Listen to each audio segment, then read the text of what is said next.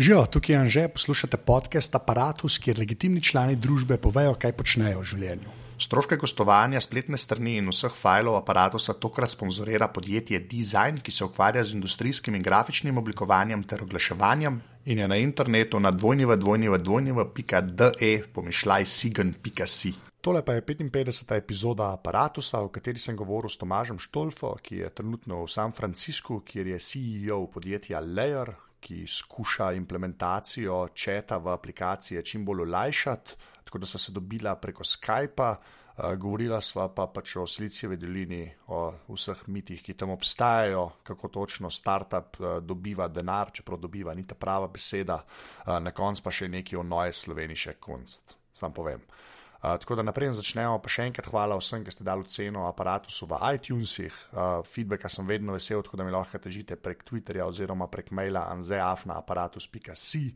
Prosim pa ful hvala vsem, ki ste že finančno podprli aparatus, ker res vsak evro prav pride in se pač lahko kupkaš na oprema ali pa kaj pomaga pri plačilu internetnih zadev. Tako da, če vam je bilo karkoli všeč, kar ste kle slišali, pa kakšnemu drugemu podkastu na mreži Apparatus, greste lahko na aparatus.si/slash podpri in tam pač nas podprete. Uh, evo, zdaj pa Tomaš. Pa lahko začneva, ne? Pa je, veš, to je to. Okay. Uh, kdo si in kaj počneš? Uh, sem Tomaš Tolfa. Um, počnem to, da, da v bistvu gradim uh, komunikacijsko infrastrukturo za mobilne in web aplikacije uh, pri Layerju. Okay, pa do, do lejerja še prideva. Pač bo, bo Aha, začela, to je dolga zgodba. Začela. Dolga zgodba je do lejerja. Ja, ja, vse, kaj se je prej dogajalo. ne, škaj te moram prvo te moram vprašati, ker jaz imam pol neko obsesijo, čim govorim uh, z ljudmi iz startupov. Veš, um, me zmeraj zanima, tako, zakaj startupi, zakaj. Veš, kako, kako, jih, kako jih ti vidiš? No? Tam tako vprašam. Dej, dej defini, definiraj najprej, kaj, kaj vidiš ti pod startup. No? Um, jaz vidim pod startup pač uh, mlado podjetje, ki išče dosti stvari, to se pravi, išče trg, išče poslovni model. Um, včasih, za to, da to najde, mora dosti inovirati. No? Tako da ne, jaz ne ločim med, uh, med mladim podjetjem in startupom, no, po definiciji, v resnici. Da, no, da, to, ta, ta startup, ta startup uh, kultura, če hočeš reči, ali pa movement, pač mene ne, ne gane toliko prodosti. No. Ja, no, le, no, zakaj te ne gane? To je že zanimivo. Mislim, me, me, gane, me gane to, da hočejo ljudje biti podjetni, pa da hočejo uh, ustvarjati podjetja, pa neko dodano vrednost, uh, pa če tako rečem, inovirati, no, delati nove, nove produkte, pa, pa napadati neke nove trge. Ampak se mi to ne zdi bistveno drugačno v svoji osnovi od tega, da pač odpreš svetličarno ali pa lokal ali pa nekaj drugega. No. Eno, sem, je, je... Mislim, v svoji poslovni osnovi pač še, vedno, še, vedno to, še vedno je to nek posel, še vedno je to nek, nek biznis, če tako rečem, ki bo enkrat moral generirati denar. Pač in, in uh, se mi zdi, da, da v tej, kako bi rekel, start-up kulturi, če, če jo tako hočemo imenovati. No? Je, ja. dosti, je, dosti, je dosti ljudi, pač, ki, gledajo, ki, ki gledajo na Veli ali pa na, na San Francisco, kot neko inspiracijo ne? in to je sicer super. Ampak mislim, da, da morajo biti tukaj nekaj časa, da razumejo, kako ti ljudje tukaj gledajo na to. No? Ta del, no, šli ta del, me to lepo si to napeljal, ne že tako na začetku, ne? ampak glih ta del me zanima. Zakaj ti ne? Zdaj, ki si rekel, da to morajo biti podjetja, ne? ki bojo na eni točki služila, mislim, bila profitabilna, ne? oziroma ne. Um, veš, tako, jaz imam, saj jaz imam tako občutek, da me popravi, če nimam prav, ne? da ne razmišljajo, če so si tako. Ja. V start-up kulturi. Ne? Ja, ja uh, mislim, oddaleč. No? Ko gledaš oddaleč, pa se ti zdi, da, da, recimo, da, da je dosti na ključi. Rekel, no? vem, da je Twitter na ključi, da je Facebook na ključi, da je, da je marsikaj drugega še na ključi. Ampak eh, teh na ključi ni. No? Tukaj, tukaj ljudje predvsej dobro vejo, kaj delajo, pa kaj je treba narediti, zato, da se pač pride do tiste točke. In, to tudi zelo resno jemljajo, tako reči, in, in se to gleda kot posel, no, vedno, ne, ne, kot, uh, ne kot bomo se malo igrali tukaj okrog, pa bomo nekaj videli, če nekaj rata, pa če ne rata, lahko fajn. No. Kako okay, bo to polo blizu gleda? To, kaj to pomeni, da vejo, kva na res, ne? zdaj ti, ki si pač tam. Ne? Veš, koliko, koliko, ali pa tako, koliko ti tega zdaj veš? Glede na to, kaj, kako si prej razmišljal, dokler še nisi bil tam. Vem, vem bistveno več, kot sem vedel uh, eno leto nazaj. No, recimo, ali pa, pa še bistveno več, kot sem vedel dve leti nazaj. Mislim, v, v neki osnovi no, je to, to ti moram povedati, če malo od moje zgodovine. No. Jaz sem študiral ekonomijo, pravi, jaz nisem uh, računalničar, računalnikar po izobrazbi. Um, In, in mi je bilo recimo jasno, no, kako podjetja funkcionirajo, pa, pa da pa to, kje pride denar, pa kaj pomeni to, da, da ga je treba enkrat zgenerirati, recimo, no, pa ne samo, ne samo kur za vedno, ampak da je, da je ta kombinacija med tem, kar se investira, pa kar je riziko, ki je prisoten in tako naprej, pač da v enem trenutku mora obstajati nek plan, kako to pač postane pravo podjetje. Ne. In da mora biti nek trg in tako naprej. Um, kar sem videl zdaj v zadnjem letu, no, je to, da je, um, da je način dela tukaj dejansko podoben temu, kar, kar je po drugih delih sveta, um, vse, kar sem jaz videl. No? Um, ampak, je, ampak je cel ekosistem naravnan malenkost drugače. Uh, v smislu tega, da, so, da imajo ljudje malo drugačen sistem vrednot, če tako rečem. Poleg tega pa je, pa je zanimivo to, da so to že videli od blizu, no? ker druge pa niso. Ne? Uh, ti, če si v Ljubljani, si lahko pač zavedno v Ljubljani, pa nikoli ne boš poznal prvih deset ljudi, ki so bili na Twitterju ali pa na Airbnb-u ali pa na Dropboxu ali tako naprej. Ne? In edino, edini stik s, s tem svetom je to, da pač bereš neke medije. In večina no, teh ljudi, ja. ki, piše, ki piše za te medije, dejansko ni delalo podjetij. Um, kar, kar predstavlja, da pač so neki detajli vmes, ki, ki si jih lahko naučiš, samo če, če si v stiku no, s temi ljudmi. Kaj, kaj pa so te vrednote, ki so tam drugačne? Tako, kaj, kako je to, kaj je to utepljivega, veš, kaj bi ti pol izpostavil? Ne? Če ti, če recimo gledaš kot iz Slovenije, pa v bistvu, kot se reče, vse zveš pred teh medijev, kar res tudi tak feeling imam jaz, da nimajo glih dost pojma, kako točno je pol firmo furat. Ne? Kaj pa so pol une vrednote, ki pač so v tej industriji tam, pa bi jih ti tako Mislim, zanimiva, zanimiva stvar, recimo na pravem Sloveniji, je ta, no, da tukaj, um, tukaj ti ljudje dejansko ne zamerijo, če pač nekaj ne narediš čisto perfektno, um, če se dovolj hitro lahko premakneš naprej, pa da, pa da, v bistvu, ne, da v bistvu res živiš za to, kar delaš. No, in da si pripravljen dosti vložiti v to, ne, in potem dobiš tudi dosti nazaj, kar se tega tiče. No. Uh, to je ena taka, ena taka velika razlika.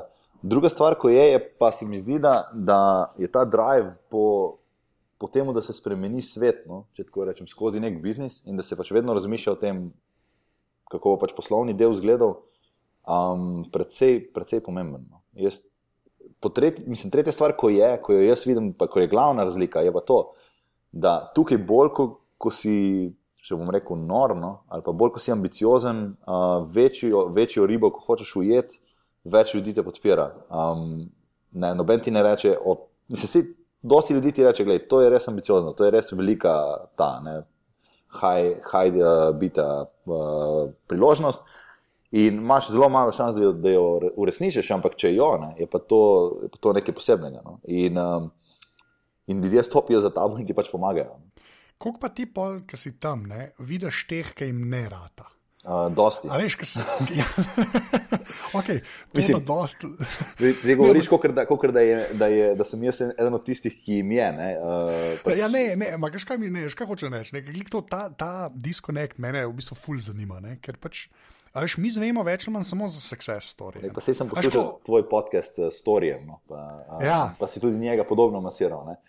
Um, deva, deva, deva to tako zastaviti. No?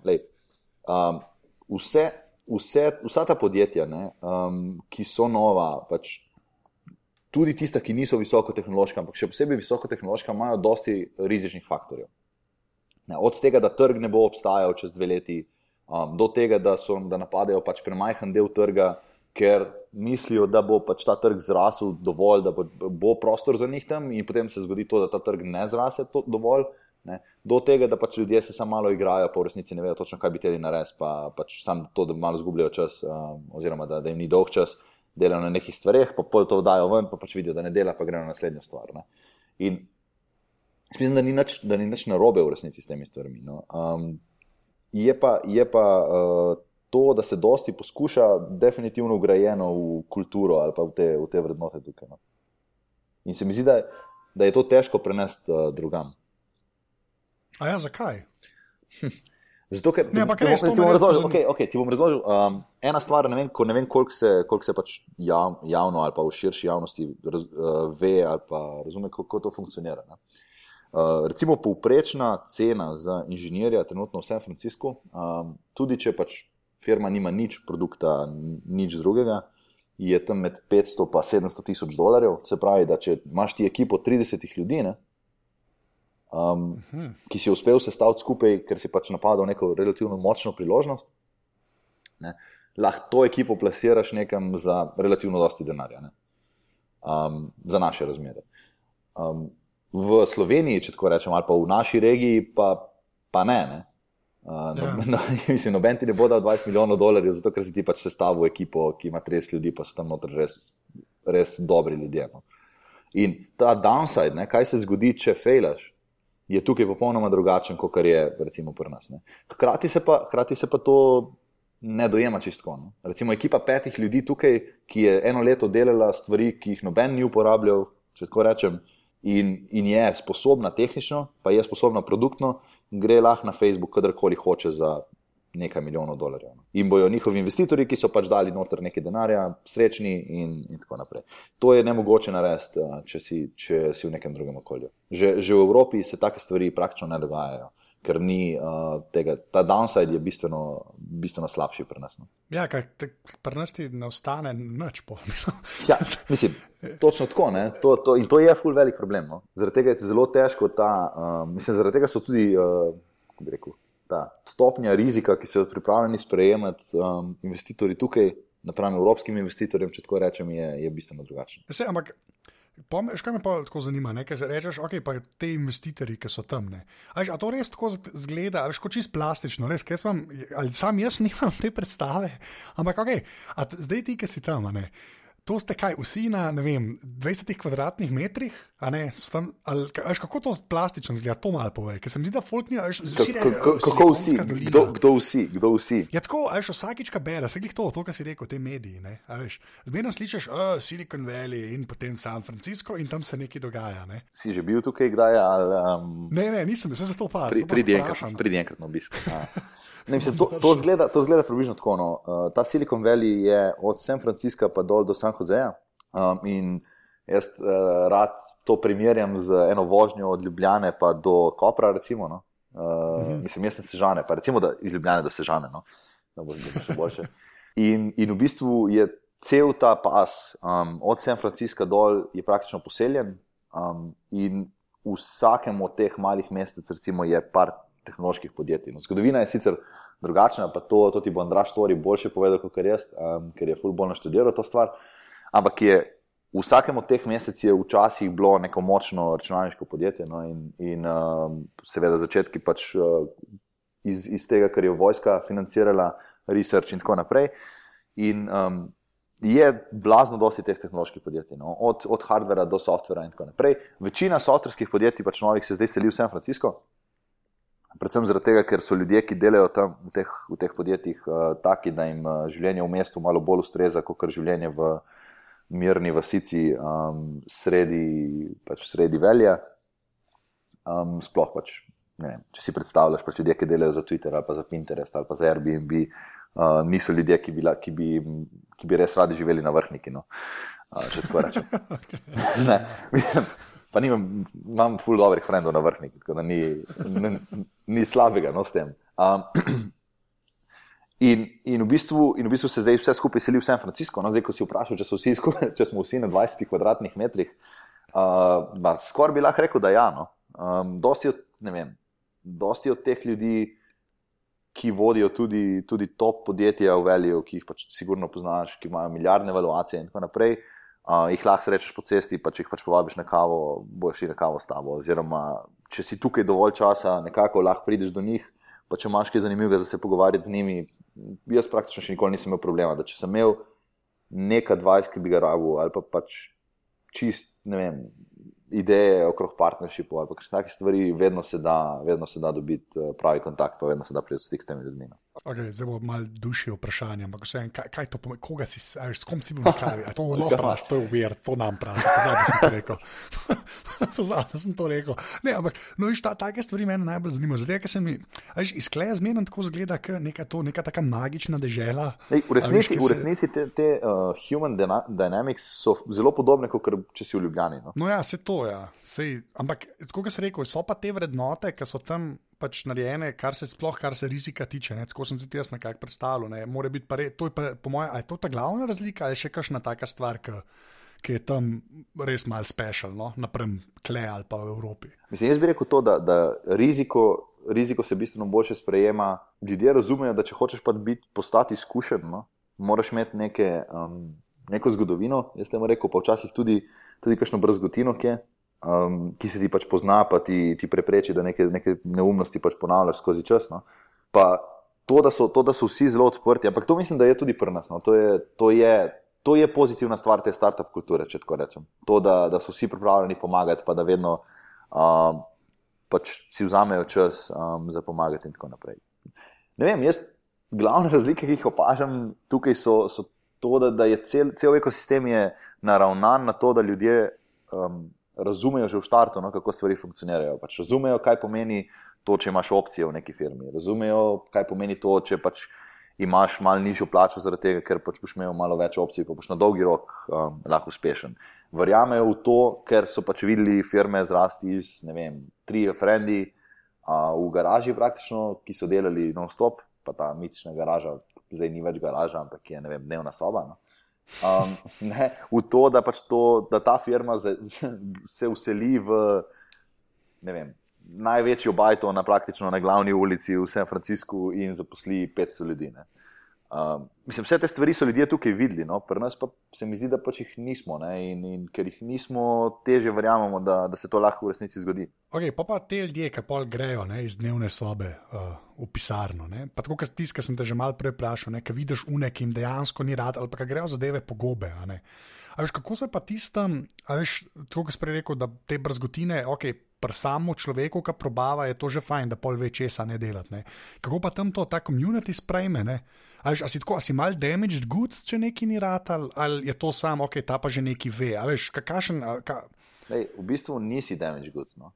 Um, če, tako bom rekel, odvisno je, odvisno je kako se obnašaš. Ne. Če si pač kreten in, in vsem razlagaš, kako si bil ti najbolj pameten in je cel svet pač bil uh, narobe naravnan in te noben ne razume, potem pač malo si damaged goods. Ampak bi jaz rekel, da si damaged goods bil že odprej. Če pa, če pa znaš recimo se usestno, pa dovolj časa porabiti za to, da pač neko refleksijo narediš na to, kaj je šlo prav, pa kaj je šlo narobe, pa kaj zdaj ne bi naredil še enkrat isto. Tako naprej. Se mi zdi pa, da ljudje, da ljudje to sprejmejo, kot um, da si dobijo eno zvezdico, no? če tako rečem. Ni, mislim, dej, seveda, če, če imaš track record tega, da vse, česar se dotakneš, pač fejla, to verjetno ni dobro. Ne? Uh, pač neke stvari morajo biti pozitivne včasih, vmes. Um, ampak se mi zdi, da vem, na, moji, na moji konkretni izkušnji no, um, to ni predstavljalo neke, nekih, uh, bi rekel, v bistvu se mi zdi, se mi zdi da, ni, da ni ovira pri tem, da, da greš delati naslednjo stvar. No. No, to pa se tudi mislim, da je odvisen, ne, kako, kako je šla zadeva po gobe, ne, veš, pa na kakšen način. Ne. Se je to zdobe rekel, če si pa moronko, ne, se pa to po mojem, kot posod drge, ve. Ne, veš, In sklepam, da ta cela startup, veš, fama, ne, oziroma ta miraž, ne, ki ga ljudje od zunaj vidijo, ne, po mojem, ker sproducira, ki še ga moronko ta na vsake tok cajta. Predlagam, da, da prebereš, pa, pa morda tudi ostali, no, ki poslušajo. Um, sicer ni nekih, ne moreš.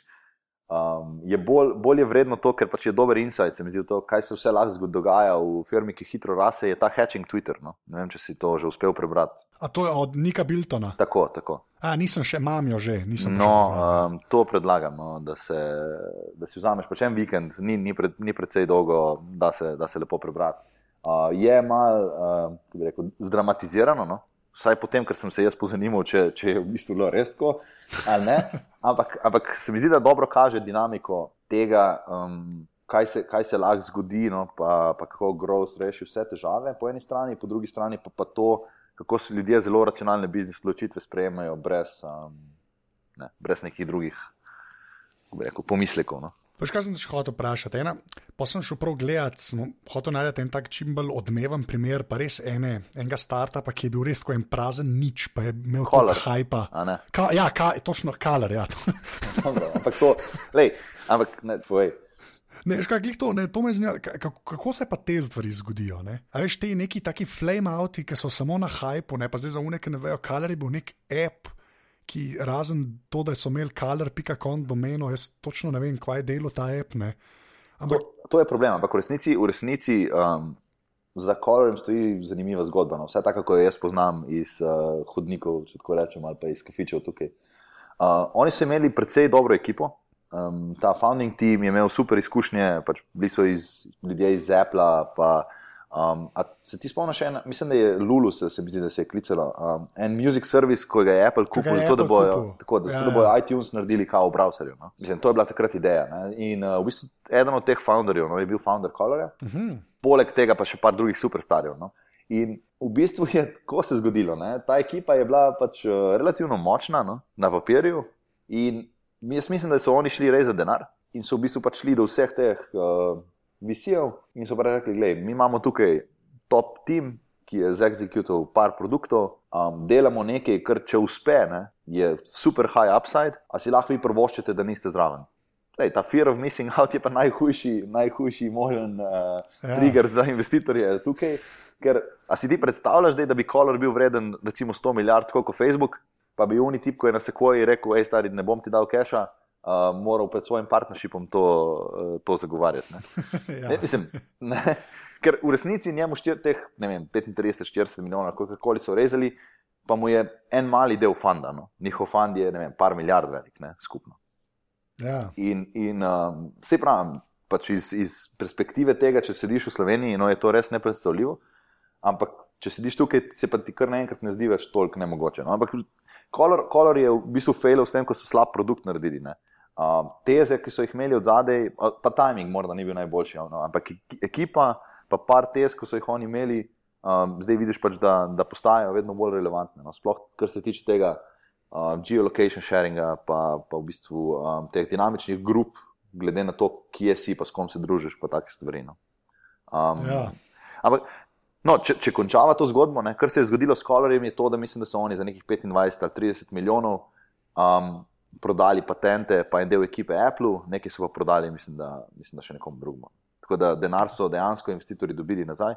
Kar je noro. Ja, je, ja ampak, ampak gled, to, to, je ta, to je ta downside management, ne, če tako rečem. Lepa. Okay, pa pa sem še eno stvar, evo, le, to imel še. Sem, a ti, a ti še, a še, a še en ta primer dava? Uh, air, airtime, airtime, a poznaš airtime? Uh, ja, to je bil pa Kevin, ne, Sean Parker. Sean Parker, a, Parker, Parker, no, pardon, to, je, to je pa Sean Parker, je pa tudi še ena taka zgodba, ne, ko je on rekel, veš, jaz grem delati naslednjo svojo stvar, pa so vsi metali denar za njim, ker pač vse veš, če Sean Parker je slučajno uspel, to, to pa navadi niso bile čisto majhne zgodbe. No? Pa si noben ni mogel prvoščiti, da ne bi bil zraven. Ne? Ja, valjda, ja, pa, pa že spet flame out čisti. Pač. ja, pač pa 500 daily active userjev, pa take stvari. No. Mislim, ja, se to je. Ja. Ampak to, te firme dejansko ne fejlejo na tem. Na tem, ker imajo preveč denarja, ampak fejlja pač na drugih stvareh. No? Ampak s 30 milijoni pa lahko dosti časa poskušaš najti ta, ta kor, ki bo zažarel, no? pa bo postal velik. Škaj, škaj to eno stvar, ker za mladino sem pisal nekaj o Snapchatu. Ne? In to je pa ta zgodba vam prišla, ki je res nerealna, ne? ker sta una dva rekla ne kot 3 milijardama, zdaj sem že pozabil. Ne? A veš, da je to, da je ti to svetli meni, da me to razumem. Drugač. Ja. Mislim, a, a si res želi slišati moje teorije okrog tega? No? Ja, res. Me, res me zanima enega, ki je dejansko tam, da to pove. Zato, ker, ker, mislim, ker lah, je... a, a bi vprašal Evana. no, mislim, lej, tako je. No, taka, taka je teorija. Uh, v, v barskih pogovorih, recimo, če tako rečemo.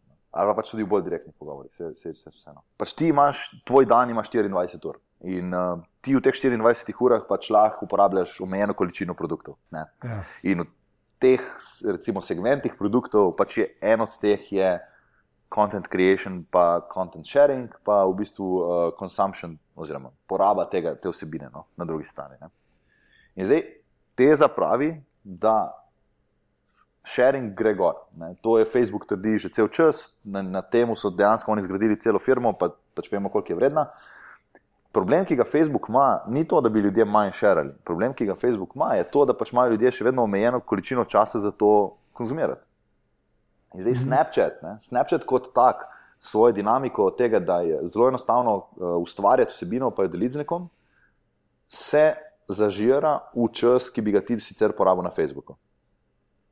Tako kot se zažira v čas, ki bi ga ti sicer porabil na Instagramu, tako kot se zažira v čas, ki bi ga sicer porabil na iMessage. In zdaj, poslovni model Facebooka seveda temelji na tem, da ti gledaš tja čim več časa, ne? da ti lahko servirajo oglase. A se strinjava s tem? Vse. Okay. In zdaj, če predstavljaj si ti, da vsakemu človeku, ki trenutno uporablja Facebook, ne, vzameš 10 minut Facebooka na dan, zaradi tega, ker bo na mesto, da gleda na Facebook, pač Snapchat. Ja, se tam je bil ta podatek, ne, da oni v bistvu, da prek Snapchata se toliko slik. Uh... Uh, deli na dan, kot na Facebooku. Ne? Tako da to sploh ni šlo samo za unih 10 minut. No, no, no, mislim, no, okay, ampak recimo, deva, deva, deva končati zdaj ta, ta razmislek. Ne? In zdaj, recimo, ti si ta čas vzel v Facebooku. Kaj to na dolgi rok Facebooku pomeni, če Snapchat v bistvu zraste na, na nek relativno velik user base, pa ki recimo, da ga že ima. No? Ja. In, in, in v bistvu v Ameriki to res ljudje uporabljajo. No? Jaz sicer ne, ampak sem bil pred kratkim na enem koncertu in ti povem, da, da ljudje pač niso širili slik, ne, niti na Facebook, niti na Instagram, ampak so Snapchatali cel čas. No. Mhm. Um, no, in zdaj, če, ne, če, če dokončava no, misel, uh, pomisli, koliko izgubljenega revenue je na dolgi rok, je to lahko za Facebook, oziroma kakšna, kakšna nevarnost. Ne. A je to vredno 1 do 3 odstotke Facebook market capa, da, da ta risk uh, ščrtajo iz. Uh, iz zemlje. Jaz mislim, da je. Ne? Jaz mislim, da je. No? Jaz mislim, da je Zdaj, če bi jaz pač sedel tam, bi, bi rekel, da pač en procent svojega kepa bomo dali v to, pa nimamo več tega problema, pa bom bolj mirno spal. V... To, to je čist mehko. Ja. Zdaj, ja, ta ista logika je bila, po mojem, pri Instagramu. Nekaj je bilo računo, da v bistvu so dali vem, 30 dolarjev na userja, ne, kar že spet ni tak denar. Pač Facebook ima, mislim, da arko nekih 5 dolarjev na, na userja na leto, no. oziroma parase zdaj, verjetno. Na mobilu mora biti to več. No. Ja. Uh, morda na mesec, čeprav za mesec mi zdi to ogromno. Ampak, okay, imajo nek, nek, nek arko na userja no? in, in v bistvu za Instagram je pa bila, mislim, da teza čist, čist podobna. No? Ja, se to je. Ja. In, in um, če, če pogledaš pa tako, no, kar se tega kozišeno tiče, ko, so, ko, je YouTube, ko je Google kupil YouTube za milijardo pa pol, ne, so tudi vsi kričali, da, to, da pač videi mačk, pa to, da pač to res ne bi, ne bi toliko plačali. No. Zdaj pa mislim, da YouTube generira več, kot je bil acquisition price, pač vsake tri mesece. No. Ja, se to. Samo veš, zmeraj je tako, ker oddaleč gledaš, ne, en je, ne vem, kdo je to napisal ali rekel. Ne. Da, veš, koliko so kupili Instagram, pa je bila tista milijarda, ne? da na eni točki je bila tako vredna, veš, cela industrija jekla v Ameriki. Veš, to je težko v glavi. Lej, lej, ampak industrija jekla pač ne servira glasov. No? Pa... ja, okay. ja, to je res, ampak veš, zelo. Se, se vem, da je tako, mogoče malo naiven, ne, če, če, če, če si tam, ampak to je res v glavi, to je zelo težko si sestaviti neko koherentno sliko, pa reči, da to make sense. Ampak jaz ta del čištekam, zato da lahko Zuckerberg doma spi, ne jaz da Instagram njihov. Pač, ne. Mislim, ne, ne, jaz... da je to malo mal pretiravava, ne to, da lahko spi. Ampak oni pač so, no, oni pač so firma, ko so na borzi. Ne, in vse veš, pač, če, če je v bistvu public market, no, tebe ocenjuje, pač moraš paziti na take stvari. Zdaj, če nekdo v Wall Street Journalu ali pa pač morda še kakšni malo bolj uh, skriti tajni publikaciji napiše, hej, Snapchat je zelo velik rizik za Facebook, pa če je to kar naenkrat še enkrat več vredno. Ja. No, lepa, glih, evo, to bo lep segway na te tech medije. Ker to je ena stvar, ki sem hodil. Zato, ker pač vi ste z Layerjem v bistvu na Distraptu ne, zmagali, ne, kar je konferenca od TechCruncha. Zdaj pa tako, še, še dolarja, da prideva, bo išla iz tega ven. No, ampak res me zanima ta. Mislim, kako si tam gledal, zdaj, ki ste vi štartar z lejerjem. Kaj pomenijo tam te, ta tech press? Ajš v vsej tej kulturi, kot se reče, kaj so kakšne bolj obskurne zadeve, če napišejo neki, pa to ima neko težo ali pa investitorjih, oziroma ajš na celem Silicon Valley. Ne? Ampak tako, kako, kako je zavesti, da, da, da je tech press tam važen? Um, zelo. Mislim, Vprašanje je bolj to, ali se ljudje tukaj zavedajo, koliko tek pres v resnici ni važno. No, no sej, ok, no. Ja, povej.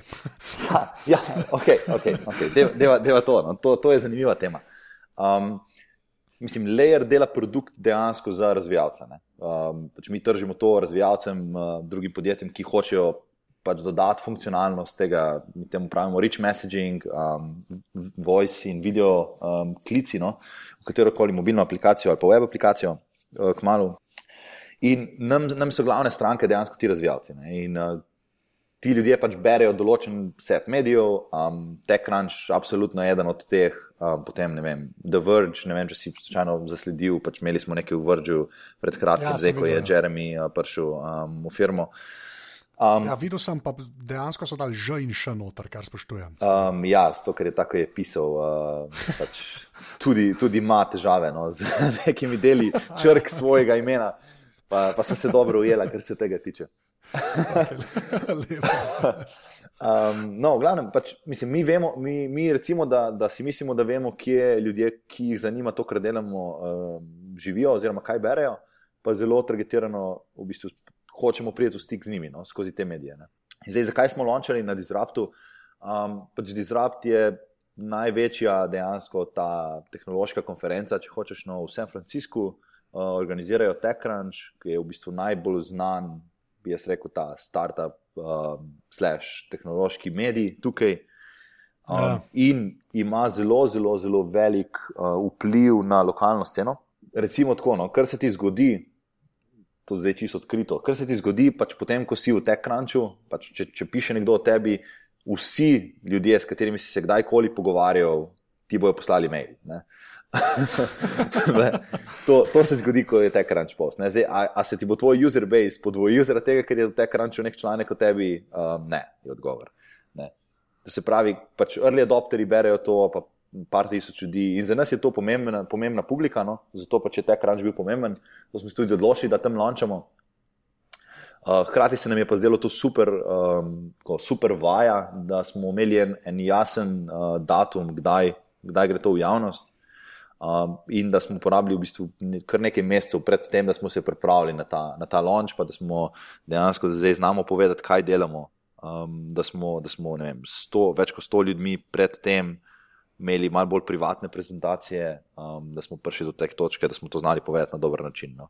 In, in uh, odziv je bil zelo dober po, po Disruptu. Mi smo kar zadovoljni s tem, kar se je zgodilo potem. No, no to, ampak ja, vi, vi ste, se mi zdi, ja, ste tak poseben primer, ne glede zaradi tega, ker imate produkt za developerje. A veš, kako pa je bilo zmeraj, uh, le že spet slovenci neki delajo, sem pa lahko lejer in pa folko razlagati, veš, kaj točno je to. Ne? Ja, en, ena taka stvar, no, ko bi jo rad poudaril, je v bistvu to, da, da smo sicer slovenci upleteni uh, v to, ampak pač lejer je, lejer je um, pač bil začrten v San Franciscu, če tako rečem. No. Vse pisarne do zdaj so bile v San Franciscu, uh, vsi smo tukaj. Um, tako da, da smo veseli, da, da smo iz Slovenije, ampak eh, pač lejer v Sloveniji nima, nima nekega, nekega footprinta, no, če temu rečem. ja, ok, to je fair enough. Ja. ampak, no, ampak kje pa zrasel por lejer? Tako, uh, mislim, uh, veš, kaj, kaj, ste se enkrat dobili, pa je en rekel nekaj, ali kako pa je to izgledalo? Ta Genesis storija. Ta, ta pač. Genesis storija je zelo dolg. No? Uh, pa, pa morda kdaj drugič, ampak zrasel je pa v moji dnevni sobi v San Franciscu. Um, dejansko je to bila naša prva pisarna, eh, štiri mize v, v moji dnevni sobi.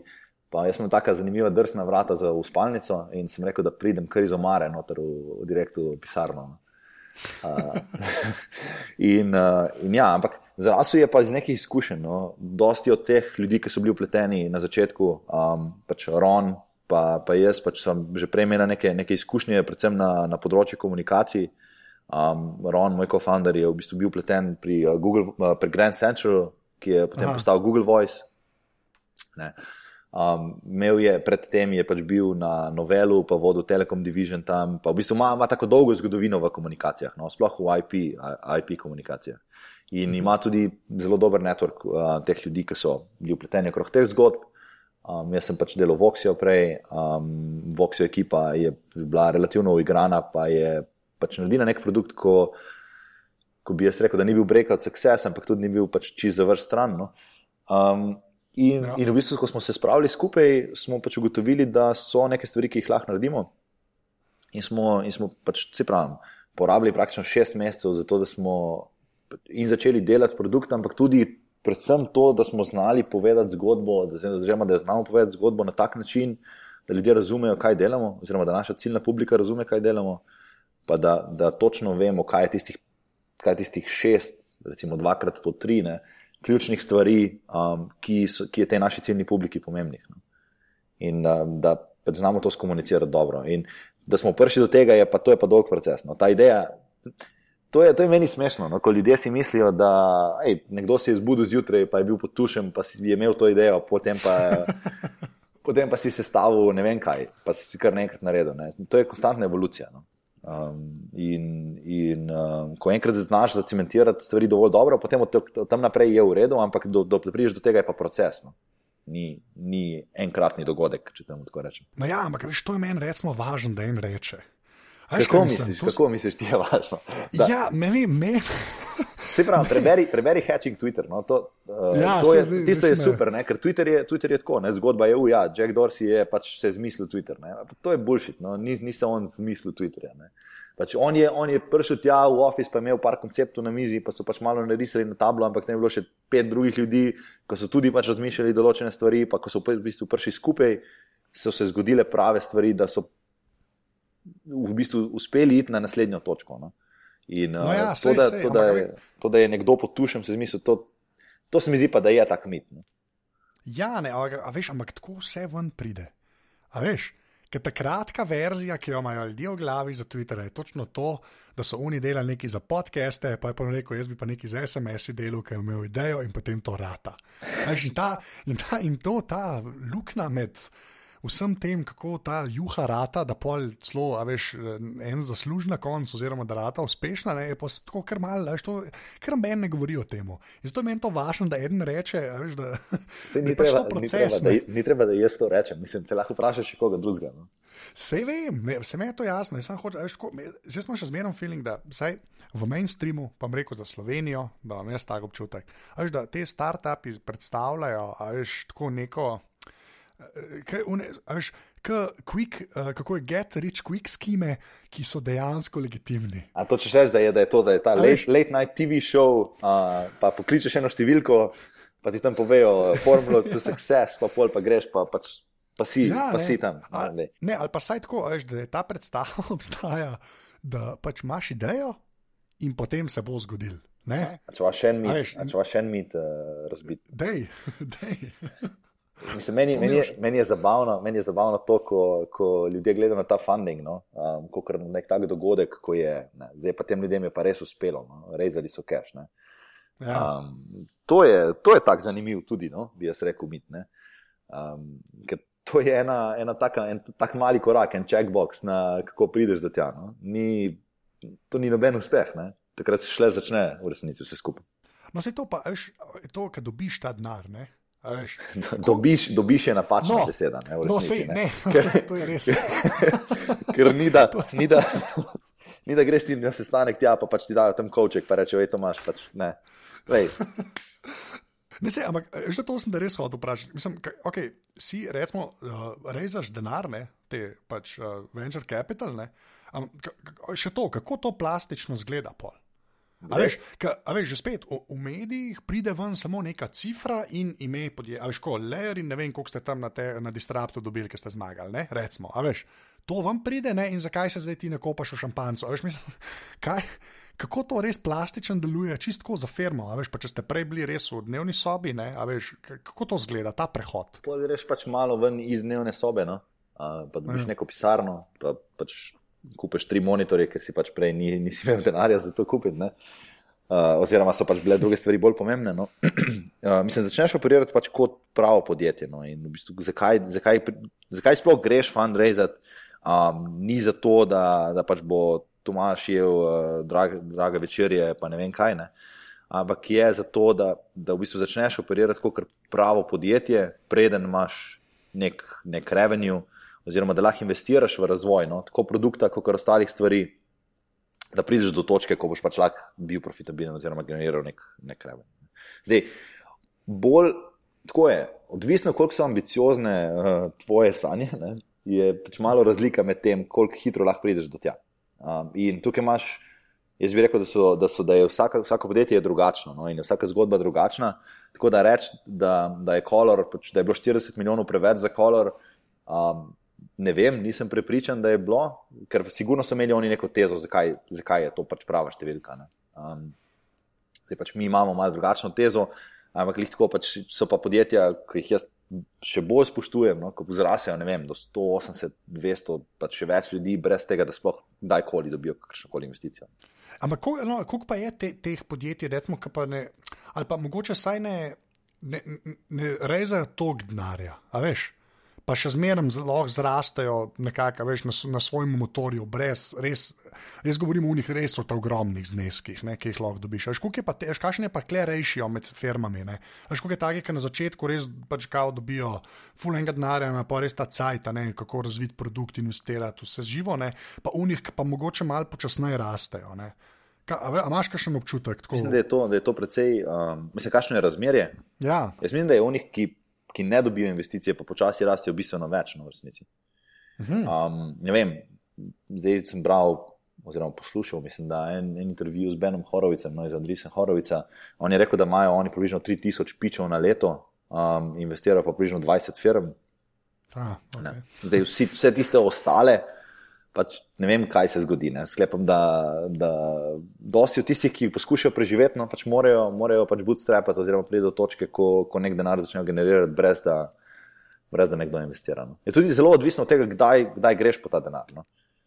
Uh, kaj ne. to pomeni? Kaj, ne, okay, kaj okay, ne, pomeni? Ti, bom, ti, bom, uh, ti bom zdaj na leer primeru povedal. No. Um, no, cool. pač leer, ima, leer ima pač neke ambiciozne cilje. Ne. In ta kategorija, če tako rečem, na internetu še zaenkrat še ni zasedena.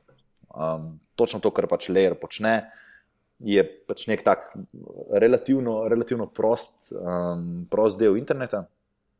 Če hočemo priti tja dovolj hitro, pač moramo res res sestaviti uh, najboljšo možno ekipo na svetu, pa se najhitreje mo možno premikati na svetu.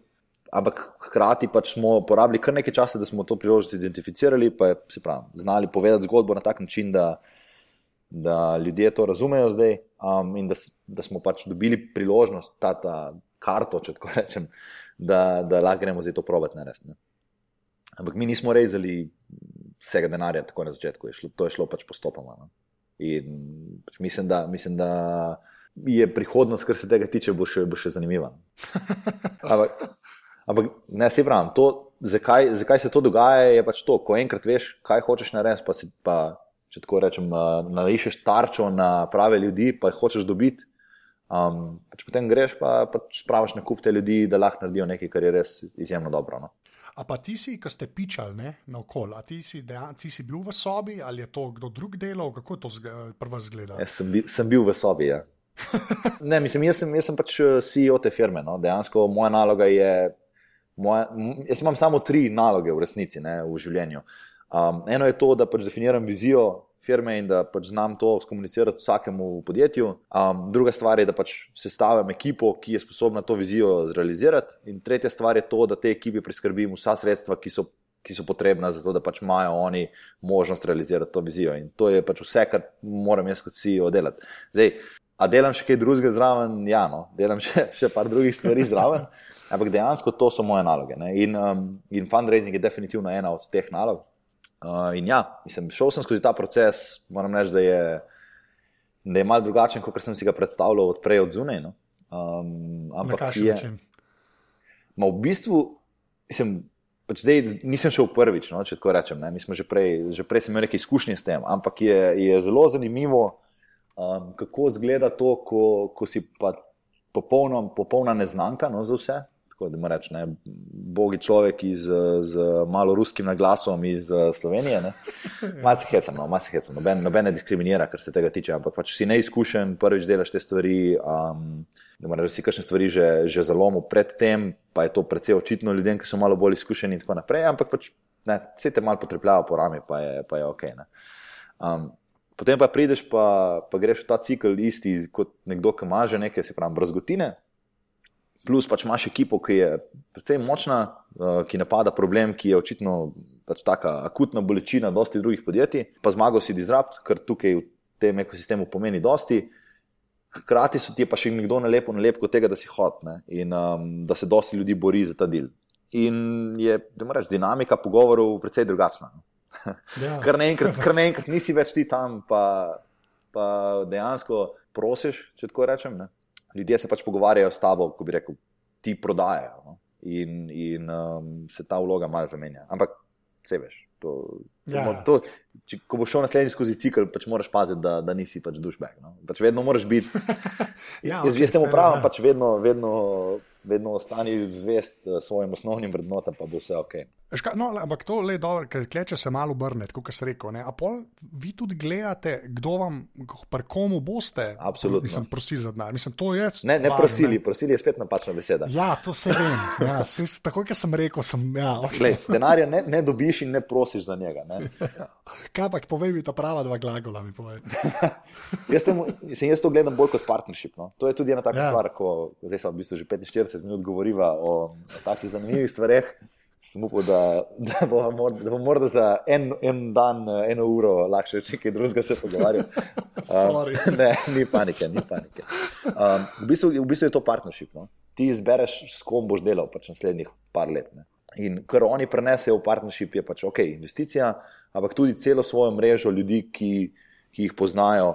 Um, ne vem, ko iščeš nekoga, da ti bo zrihtal sales, ne, prvi ljudje, s katerimi se dejansko pogovoriš o tem, je ta tvoj ozek krok eh, nekih advisorjev, pa investitorjev, in oni imajo v svojih mrežah pač par ljudi, ki se jim zdi, da pač imajo izkušnje na podobnih projektih in, lahko, in se lahko z njimi pogovoriš. In tako naprej.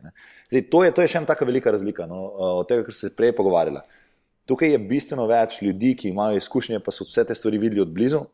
Ker recimo v Sloveniji, jaz si mislim, da, da poznam relativno dosti od teh ljudi, ki so vem, njihove firme šle od uh, eh, 10 na 50, pa na 100, pa tako naprej, ampak je teh ljudi še vedno izjemno malo. Um, mm. Tukaj je pa več. No? In lažje prideš v stik z nekom, ne vem, ki je, ki je skalo organizacijo inženirjev od iz 5 na 50 ali pa iz 50 na 300 ali pa iz 300 na 7000. Ne. Pa zdaj ne govorim, da pač leer bo kdaj imel 7000 inženirjev. To, to, to smo še daleč od tam. No. Ampak vsaj imaš dostop do teh ljudi in ti ljudje pač imajo neke svoje izkušnje, imajo neke svoje brazgotine in ti z veseljem povejo. Da tukaj pa so neke nevarnosti, pa nočeš iti tja, pa, pa to se ti bo zgodilo, pa te, pa te stvari pazi. No. To, to je ta partnership, po, po katerem zbereš dejansko svoje investitorje. Če imaš to možnost, seveda. Če ti, ja, pač pri, če ti primarna stvar, ki jo iščeš, denar, potem, potem pač optimiziraš glede na denar. No, no, no ampak to, viš, to je že spet ena taka nijansa, ki mislim, se doskrat spregleda. Mislim, ja, to v medijih pač ne. ne ampak gledaj, to so take insiderske stvari. No? Je... Ja, ampak to je tisto, kar me najbolj zanima. Veš, kaj sam pogovarjam se o tem, da je nekdo nekje en denar uh, dobil, oziroma dobil partnerja. Vse veš, pa sej ti, ti igraš basket. Ja. No, jaz sem tudi, jaz sem tudi uh, dosti časa nazaj igral basket. Meni je smešno, recimo, ko poslušam ljudi, ki komentirajo, no, um, ne, kaj, kaj ja, se dogaja. Mislim, tako, se mi zdi, lej, Ne, če, če bi kdajkoli pač bil na enem treningu, bi pač razumel, kaj se dogaja. Ja, uh, ali pa če bi kdaj ja. odigral eno tekmo, pa bi ti nekdo pač spustil komovcu zobe, pa bi pač vedel, kaj to pomeni. Uh, ja. Pa zakaj recimo neki ljudje tečejo v določene smeri, ali pa ne. ne? Um, ja. ja. no. ja.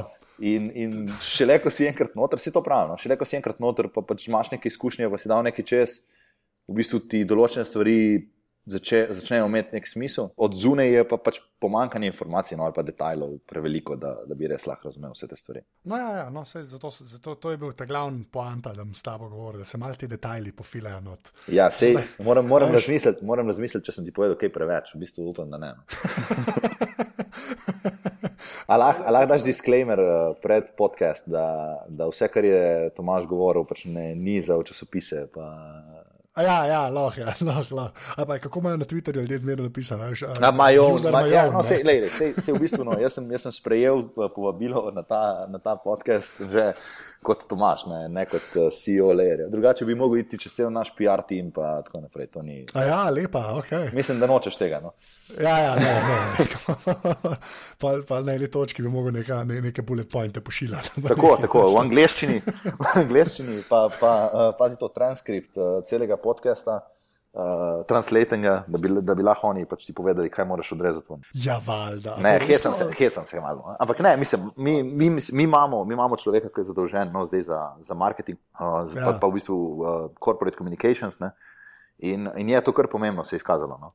Ker drugače, predvsem, predvsem je pri tem, no, ker je firma toliko mlada, so interpretacije tega, kaj počne, pa kako pristopa k določenim stvarem, um, lahko različne. Ne. In nam se je zdelo zelo pomembno to, sploh v teh časih. No. To ste govorili, mislim, da, da večkrat že, že na tvojih podcastih, pa mislim, da tudi z Bokem ste govorili. pač zdaj so neke take čudne, čudni časi, kar se tiče komunikacij, pa kaj se dogaja, pa kaj se ne dogaja, pa kaj je enkriptirano, pa kaj ni enkriptirano, pa tako naprej. No. Ja. Da smo hoteli pač biti mal, mal previdni, kar se tega tiče. Ne, to pa, ja, mislim, ka, pa to čistko brez ebancije, čim se s komunikacijo obadaš na neto, a veš, je. To res stopaš v ene take vode, sploh to, kar je lepo si rekel, ja, tako se je zdaj izkazalo. Až na eni točki, sploh vi, ki ste v Ameriki, ne, Až, se mi zdi, da hitro trčeš ob, ob uh, oblasti, karkoli pač to pomeni. Ne. Mogoče hitreje, kot s kjerkoli drugo branžo znotraj elektronike se ukvarjaš. Ja, ja kje sklepam, da, morate, da, da gre kar neki razmislek v to smer. Sklepam, pač, tukaj, tukaj ti bom rekel tako. No. Mi smo evropejci, pa pač imamo, imamo svoj pogled na to. No. Ja, seveda. ja, to pa verjamem. Ja. Uh, škoda, lej, zdaj smo že na 50-ih, ne vošla na strojno, pa programsko opremo, ne. Ampak bom enkrat si drznil napovedati, da te, tebe bom še zahahljal, uh, ti, ti, da se boš vrnil, boš, ali pa boš prboki vzraven, če v boki za. Uh, da, te, da še kakšno basket vzraven rečemo. Ne. Super, Ej, to je to. Uh, tako da, dej, uh, kva, uh, računalnik, telefon, pa to, ne? kaj imaš, Tomaš, kaj imaš? Imam približno eno leto starega era, uh, 13-inčnega, ki ga skoraj ne uporabljam, mislim, ga uporabljam, ampak vedno manj, no, da mu tako rečem. Um, imam, imam uh, mini retino, um, pa imam, imam petko iPhone. A še nisi na ESO? Ne, v bistvu. Ha. Hočeš slišati uh, mojo iPhone zgodovino? Je... A si bo eno od njih, ki je bil na 3GS-ju stoletja? V bistvu ne, v bistvu ne. Jaz sem bil na, sem bil na Enki, se pravi pač uh, Edge, če tako gledamo, do, do štirke. Aha. Tako da sem preskočil celo, celo 3G, pa 3GS um, serijo, potem sem pa iz štirke šel na petko, no, v bistvu 4S sem tudi preskočil, pa zdaj pač tudi ne vem, se mi ne zdi vredno. Um, Če raje si kupim nekaj drugega, če to rečem. Uh, um, ja, tako da, da ja, tega, tega enko imam še vedno doma, no, pa, pa se mi zdi še vedno najlepši od vseh. Ne, to, da je ta najlepši, to se tudi jaz strinjam. Mislim, to, to pa, ja, mislim, enka pa še železen je bil. Ne, tako, tako, tako. Pa, veš, kaj je bilo ja. super? No? To, da je bil, um, ko, če si ga pustil na mizi, recimo pol ure, je bil hladen, ko si ga prijel. A ja, ja štekam. Ja. Okay. Ta feeling, ker, ker noben od teh novih gadgetov nima tega druga svetovna vojna feelinga, no? da je to res, uh, da je indistractable. Ne? Ja ta steampunkovska ja, vena je šla čist stran, že počasi mi zdi. Mislim, ja, jaz sem complete Apple. No. Imam pa, pa še v bistvu Nexus 4, pa HTC One, imamo tam za testirati v Officeu, pa včasih mm. pač to postane moj, moj device za kakšen teden, pol pa obupam, pa, pa grem nazaj na iOS. No. Kaj govoriš s človekom, ki ima Nexus ne, in ima samo Nexus? Lej, lej, sej, jaz, jaz ne, to, to je čisto osebna preferenca. No. Pač par stvari, ki jih jaz uporabljam, se mi zdi, da, da na Androidu še niso toliko naštimane, kot bi mogli biti, ampak nimam pa, nimam pa nič proti Androidu. Pač sem velik fan in mislim, da v prihodnosti pač bodo ljudje mogli vedno bolj dobre stvari delati za Android. No.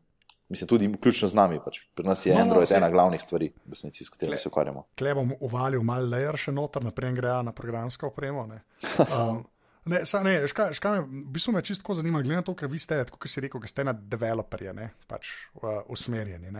Um, pa glih ta razlika med uh, Androidom in iOS. Pa se vem, da je tako, po eni strani dosti prežveč, ampak ti, ki dejansko moraš s tem obadati, ne vi, ki se morate s tem obadati. Až koliko je res te, če, pa bom samo o lahkosti vprašal. Kar se iOS-a pa Androida. Misliš, kaj za nas konkretno? Za... Za, za vas konkretno. Ne, za vas konkretno, zato ker vi delate, a veš, kako je, layer je plast. Mi, smo, mi, smo feature, mi imamo feature parity no, na Androidu in na iOS-u. Um, se pravi, delamo vse usporedno. Um, je, pa tako, da, je pa tako, ti bom dal to primerjavo. No. Na Androidu smo imeli bistveno dlje samo enega človeka, uh, ko smo imeli na iOS-u praktično že dva, dva pa nekaj. Ne. What? Ja? Okay, tako, ja. Android, je, Android je vsaj na tem nižjem nivoju, bolj, od, bolj odprt, pa rabiš manj trikov uporabiti. No. Zdaj, zato da priješ do aplikacije, ne, ki, ki je lepo narejena, ki ima super UI, ki, reč, ki dobro leži v roki, je pa po mojih izkušnjah na iOS-u približno pol manj časa rabiš. No. Aha, ja, kar se pa teh underlying tehnologij tiče. Lej, ti bom dal en primer. En primer na, na iOS-u, pač, ko gre aplikacija v background. Po mojem, bo šla v take vode, da ne vem, če bo kdo sploh razumel, kaj se pogovarjamo. Ampak, ni veze, ko gre, ko gre apljicacija v ozadje, ne, Se pravi, ja. ko, ni, ko ni aktivna, um, iOS začne delati kar cel kup omejitev, dobiš. No? Ja, ki je vse sandbox. Tako, pa da zaradi tega, da baterija traja dlje, pa recimo ti dovolijo imeti samo en, en uh, soket odprt, pa take stvari. Ne? Pa še VoIP aplikacija može biti to in tako naprej. No, glavnem, tam je pač en cel kup omejitev. Na Androidu pač počneš, lahko delaš kar hočeš, ne? to je, to je uh, freedom. Ne? Zdaj, prvi, No, ena zanimiva anekdota na to temo. No. Prvi uh, prototip lerja na Androidu je s prazno baterijo na Nexusu v približno 15 minutah. Odlično. ampak, ampak zdaj pa ne več, no. zdaj je pa praktično, pa ni, um, pa ni praktično razlike. Ne. Ampak se pravi, no, to, to, to je ta razlika. Zdaj, če ne veš, kaj delaš, za res, imaš, imaš dosti moči v svojih rokah no, kot Android developer. Um, ja, je, pa UI, je pa UI problematičen, se mi zdi. No. Ja, je že zaradi tega, ker je bolj legi, ko kar koli obrneš, vse mislim, je zmeraj boljšno. Veš kaj je? No? Ma, um, iOS pač ima ta svoj um, UI kit, če tako core, core UI, no? ne vem točno, ja. kako oni to kličejo, ampak vse te animacije, ko jih vidiš, um, vsi ti bounci, pa te stvari je pač bistveno lažje narediti na, na iOS-u. Kar pomeni, da aplikacija takoj deluje bolj spolirano. Ja, se to je. Ja. No, ampak to me je, v bistvu, dobro sem te to vprašal, ker si ne bi mislil, da boš to rekel. No. Tako da je lažje, mislim, da je bilo vsaj na tem nivoju, ne, da, da, da je lažje. Okay, to pa je fair enough. Mislim, jaz bi, rekel, jaz bi rekel, da na tem nivoju ni bilo takih drastičnih razlik, kot so pol. Da, da, ja, ko neki hoče zapakirati. Tako, in, tako, ja. tako. Mislim, to, je tudi, to je tudi meni osebno enen glavnih problemov, zakaj ne, ma, ne maram še zaenkrat toliko Androida. No, je to, da da pač jaz imam rad tistih par stvari, ki jih uporabljam, da so res speglane. No? Ja. Žucira me, če niso. No? Ker pač non-stop, non-stop, ko gledam tisto, pač vem, kaj bi jaz popravil, pa pol, pa čez nekaj časa se mi to, mi to postane pač problem. No? In pol nazaj na iOS. Pač. okay, pa pa, kako vsakmu rečem, une aplikacije, ki jih dejansko uporabljaš. A ti povem, kaj je na mojem front screen. Tako, povej. Telefon, mislim, ta okay. phone app, phone app ja. uh, Google Maps, um, ura, Sunrise za koledar. To je super, no? ne vem, če, če uporabljaš. A ja, ni na Androidu, sorry. ja, ni na. Instapaper, uh, Instapaper je v bistvu, po moje, najbolj uporabljena aplikacija no, na, A, in, in na iPhonu. Ja, ja. ja. Mislim, ne vem, Pocket verjetno uporabljaš, pa pač nekaj podobnega. No. Res je, jaz sem na Pocketu. sem pa začel uporabljati Instapaper sto let nazaj in še vedno to uporabljam. Um, ja, zdaj, zdaj ga je Marko itak prodal in so ga oni tudi na Androidu vandal. Pr, prodal ga je pa Bitaworks. No. Bitoworks je ja, tudi ena taka, ja. taka zanimiva zgodba iz New Yorka. No. Um, super so oni, drugače. Potem imam srka, ne vem, če si že kdaj to videl, mislim, ne vem, če je na Androidu to, no, ampak to je tak bite-sized news uh, reader. V bistvu dobiš novice, kot kar neke tvite, in potem scrollaš čez, čez isto novico, in vsak, vsak del te novice je toliko velik, da ti gre na pol skrina. No. In lahko res na hitro prebereš skozi dosti novic. To, to je za me na mesto poročil, če tako rečem. Ne. Potem imam Twitter, pa Safari, pa tri layer aplikacije, ki ti ne smem povedati, kaj so. Čak, a pa Twitter imaš pa official Twitter client? Imamo official Twitter client. Oh, wow, to si pa ne bi mislil. Ja. Zakaj pa ne? Pa ne vem, kaj živ bog ne uporablja iz teh krogov. Res, res. Ja, vsi so na Twitterbotu. Meni, meni, meni je pa Twitter uh, všeč. Sicer zadnja iteracija je malo manj, ampak prej mi je pa bil kar všeč. Ne? Aha, ok, no, to vejo. Evo, in, in v bistvu se potem moj front screen zaključi, imam še messages, pa mail, pa EA Writer um, v mhm. doku in to je to. Vse ostalo imam pa v enem folderju. Veš, da jaz sem isti, jaz sem tudi tako, ta home screen imam, pa pa še en screen za par stvari, pa pa pravim vse zmanjšati. Tako, ja, jaz sem jaz dosti na isto funkcioniral. No, in, in pač uporabljam srč. No. To je, ja. to je na iOS 7, je to, je to cool. Mislim, imam, imam še par folderjev, zlagal sem se. Imam Messengers folder, v katerem imam, mislim, da je 30 aplikacij. Ampak to je ta.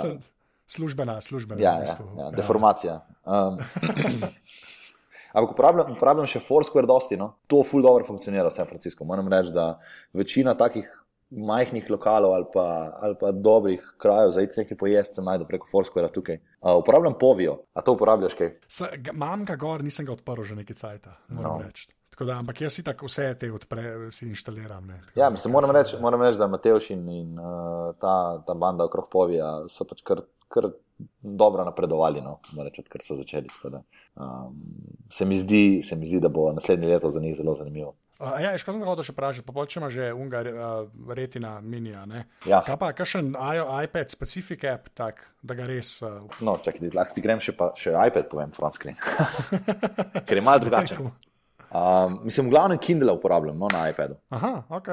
Kindle uporabljam, pa Hangouts, dosti uporabljam na iPadu. V bistvu vse, vse klice, ki jih imamo interno ali pa eksterno, praktično na Hangoutsih, naredim na iPadu, ker se mi zdi, da je, da je bolj tak, fajn format. No. Ah, res, okay, ok, to pa je zanimivo. Mislim, če, če delam to na laptopu, pač moram laptop eh, vlačiti okrog po, po pisarni. Ne. Če imam ja. pa na iPadu, pa pač je to, to bolj uh, prenosno. Pa mini mi je všeč, tega, ker ga imam lahko vedno sabo. No. Unite velik mi je bil mm. mal prevelik. Um, ja, Kindle je v glavnem najbolj uporabljena aplikacija na iPadu. Pa mail, pa Safari, pa Writer. Pa... Okay. Prav, nisem, nisem nek, nek um, imam, imam instaliranih milijon aplikacij, ampak, a, pa veš, kaj še uporabljam. Ampak to uporabljam Uber, pa Lyft, pa Square. A ta Lyft je, a, a ni to weird? To je super. Kar en pobere, a, a to funkcionira. To ful dobro funkcionira. No. A res? To, to, je, to, je, to je super izkušnja. Um, mislim, tako, res, res je fajn. No. Kaj me je tako kripi slišiš? Se, ja. se ni da ti to kar en pobere, ne? ni da to zdaj ti instaliraš, ni da to ti instaliraš zdaj app, pa potem kar začneš pobirati ljudi, ne? pa pobirati njihove telefonske, pa ne vem kaj. Ne? Ja, se to je. Ja. No, no, um, pač to, to je tako, da, to si tako predstavljaj. Pač ti se prijaviš, uh, tam oni naredijo screening, ti rečejo, da ja, ok, si normalen, pa lahko voziš, pa, pa tvoj avto pač mora nekim predpisom ustrezati in tako naprej. In potem, uh, potem imaš na drugi strani aplikacijo, ker stisneš gumb, um, tam je nek pin in človek te pride tja pobrati, se usedeš v avto in te pač odpelje tja, kamor mu rečeš, in stopiš z avta in je to to. In plačeš s kreditno kartico, ki jo imaš v aplikaciji. Ja. Ni, ni cash transaction, pač oni te ne zabode, da bi ti ukradel še ostalih 3 dolarje, ki jih imaš v denarnici. Mislim, tako no, je super varno, pa ve, ve se, kaj se dogaja. V redu, okay, je. V redu je. Okay, lej, tako, okay, jaz, ki sem te slišal, zato je bilo ta prva, mi je bila tako, moj bog, pač to je bilo tako, tako recipe for disaster. Ampak ja, dejansko skrinajo ljudi, to pa nisem vedel. Ja, ja, absolutno. Da je, da je vse samo user rating, ne pa eBay. Če imaš do zvezdic. Hej, ni, ni, je, mislim, sup, to, to imajo kar naštudirano. No? Pač imaš, imaš pol ta star rating ne? in če, ja. če daš ne, nekemu šoferju manj kot tri, nikoli več te ne perejo z njim. Uh, ja? Recimo, ja, mislim, če spoznam te fanti, ki so okrog tam. Mislim, da smo se pogovarjali dosti, pa, pa je precej zanimivih detajlov, kako prideš do, nekega, do neke izkušnje, ko je boljša od tega. Da, Dejansko, tako kot si rekel, no, da, da pač ja. inštaliram app, pa začnem pobirati ljudi po, po mestu. ja, to je bilo uvir. Ja, oh, wow. okay, pa, pa še eno zadnje vprašanje, ki je vedno isto. Eno uh, fizično stvar, ki mora biti predmet, ne človek, uh, ki je naredila vtis na tvoje življenje. Lahko jo še imaš, lahko jo nimaš več. Kaj bi to bilo? Uh, ZX Spectrum. Gumica. Tako. tako.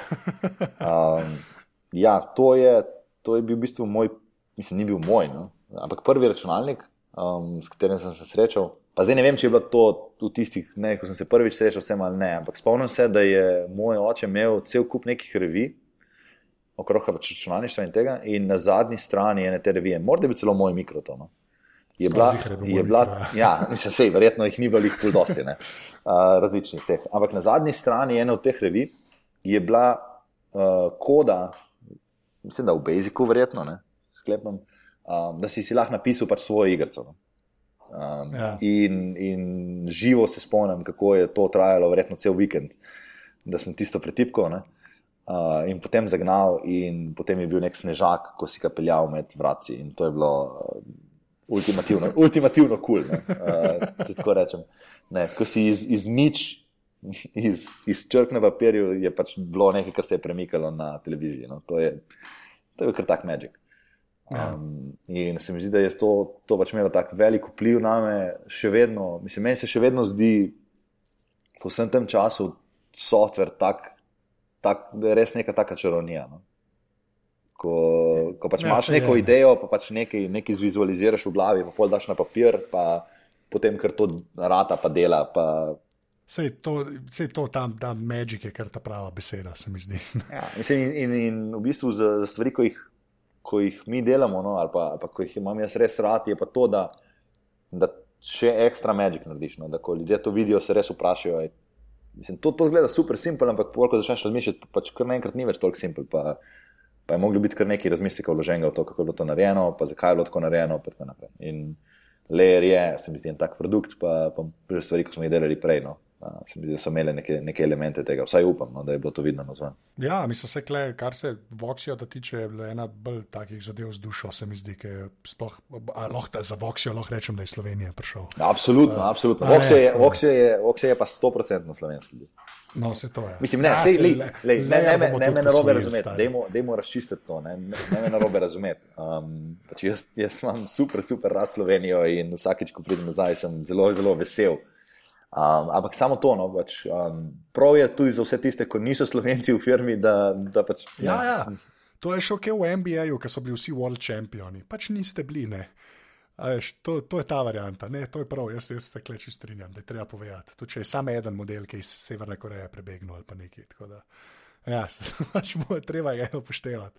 Ej, a, Tomaš, da prej rečemo, da poveš, kje te ljudje lahko najdejo na internetu. Um, ja, pač. Uh... Afna Tomas Stolfa na, na Twitterju, um, funkykaraoke.com je moj blog, ki je bil zanemarjen sto let, pol pa je zdaj na, na Subtel um, in je tam, mislim, da moj e-mail, um, ki je tudi sicer tomas.stolfa.gmail.com.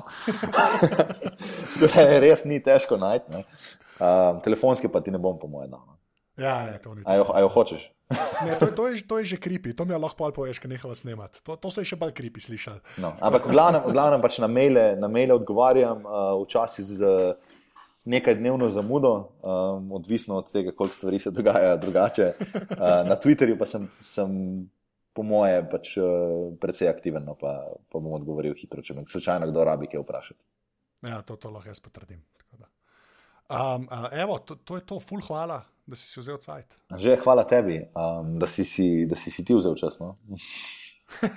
pa, pa to, jaz bi rad, mislim, jaz bi rad res um, ti izrazil tak um, fenovski. Ne vem, ne, vem, kako, niti, ne vem, kako naj to povem. No? Ampak moram reči, da sem, da sem ekstremen fan vsega tega, kar pač počneš okrog teh podcastov. Um, okrog tega podcasta, pa okrog tega, kar počnete z Boki, um, pa vseh ostalih stvari. No. Se mi zdi, da je uh, da je to ena taka zelo, zelo pozitivna stvar um, v slovenskem ekosistemu. In uh, jo z veseljem, posluš z veseljem poslušam tudi na drugem koncu sveta. A, nimam besed, kled, tako da sem hvala. Klem raj tih. Pa to, a, če, a te lahko še nekaj vprašam? Vprašaj. Kako si ocenil, da sem legitimen? Uh... A ja, ne, si, si legitimen. si legitimen. a je, a je nek, a je nek skor, skorkar, ko greš čez. Pa... Ja, ne, dobiš pasport, pa. pasport pošiljam. To je da neki laminirati, neki laminirati ga dobiš. A, ko, ko je NSK. Ja. ja, to je pa primerjava. Oh, lepa, ja, no je sloveniški kunst. To je to. Oh, wow. Nekle, zdaj mislim, da je NSK. Lahko zaključimo. Ful, hvala. Že, hvala. Ajde. Čau, čau. Oh. Tole je bila 55. epizoda aparata, mene najdete na Twitterju pod afnaanzet, lahko mi pišete tudi na mail anzeafnaaparatus.si. Če ste slučajno na aparatus naročeni v iTunesih, bo kakršna koli cena tam dobrodošla. Sicer pa pejte na aparatus.si, ker je tam zdaj že pet različnih oddaj, tako da še kakšne ostale pogledajte, ker vsi dobro delamo. Uh, če imate pa slučajno šanso, pa lahko greste tudi na aparatus.si slash podprint, nas tam tudi finančno podprete, ker tako nabavljamo opremo za vse, ki zdaj delajo na mreži aparatus. Tako da, če imate šanso, full hvala, unika ste pa že dali denar, pa ibr, ibr, ibr, hvala. Uh, to je to, do naslednjega tedna. Čau!